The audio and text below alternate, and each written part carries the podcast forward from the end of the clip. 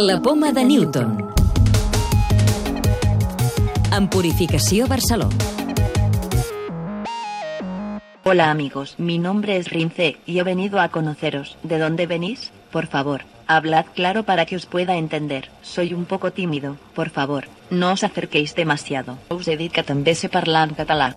És el Rimsi, el protagonista del nostre programa d'avui. Es tracta d'un dels robots de servei més evolucionats del món i s'ha produït a Catalunya. El RIMSI s'ha concebut com una plataforma d'investigació per a universitats. Té la mida i el pes d'una persona adulta, camina, puja escales i parla 30 idiomes. Francesco Ferro, de Pal Robotics, l'empresa que l'ha desenvolupat conjuntament amb la Universitat Ramon Llull. RIMSI es un robot eh, humanoide capaz de caminar, al mismo tiempo es capaz de percibir entornos, hacer una navegación autónoma y es capaz también de hacer tareas de manipulación, como por ejemplo coger una botella. También tiene la capacidad de hacer reconocimiento de voz. Es una herramienta de trabajo para varias universidades. Por esto también hemos montado lo que es el laboratorio remoto para que varias universidades, eh, no importa desde dónde, pues puede ser desde América o desde Asia o desde Australia, pues puedan conectarse y utilizar nuestros robots. El RIMCIA ahora mismo sería un robot para dar informaciones y por hacer algunas tareas, desde lo que podría ser la recepción hasta hacer de entretenimiento o hasta hacer algunes tarees específiques en algun entorn eh, particular.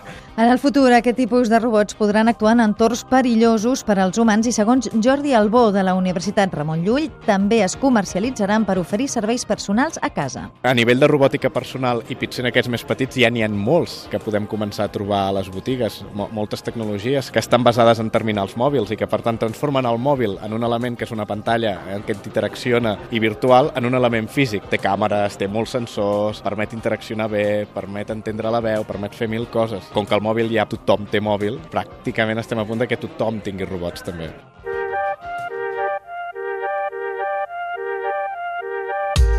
També us comentem que l'Hospital Clínic col·labora amb la Fundació Michael J. Fox per accelerar la recerca contra el Parkinson. Tots dos organismes impulsen un cercador que permet a persones voluntàries connectar anònimament amb els assajos clínics que es fan per lluitar contra la malaltia. La supervivència al càncer se situa a Catalunya per sobre de la mitjana europea. Concretament, hi ha més supervivència en els tumors de mama, estómac, recte, ovari i pròstata. Els països de l'est d'Europa són els que presenten una supervivència més baixa, mentre que els índexs més alts se situen als països nòrdics, a l'Europa central i en alguns països del sud. Bill Gates ha finançat un telèfon mòbil que es carrega amb orina. El nou mòbil està en fase d'estudi als laboratoris de robòtica de Bristol. En la recerca hi col·labora la Universitat de l'Oest d'Anglaterra.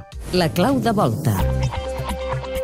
Hi ha estrelles de color verd? Jordi Eloi, de l'àrea de Ciència de l'Obra Social La Caixa.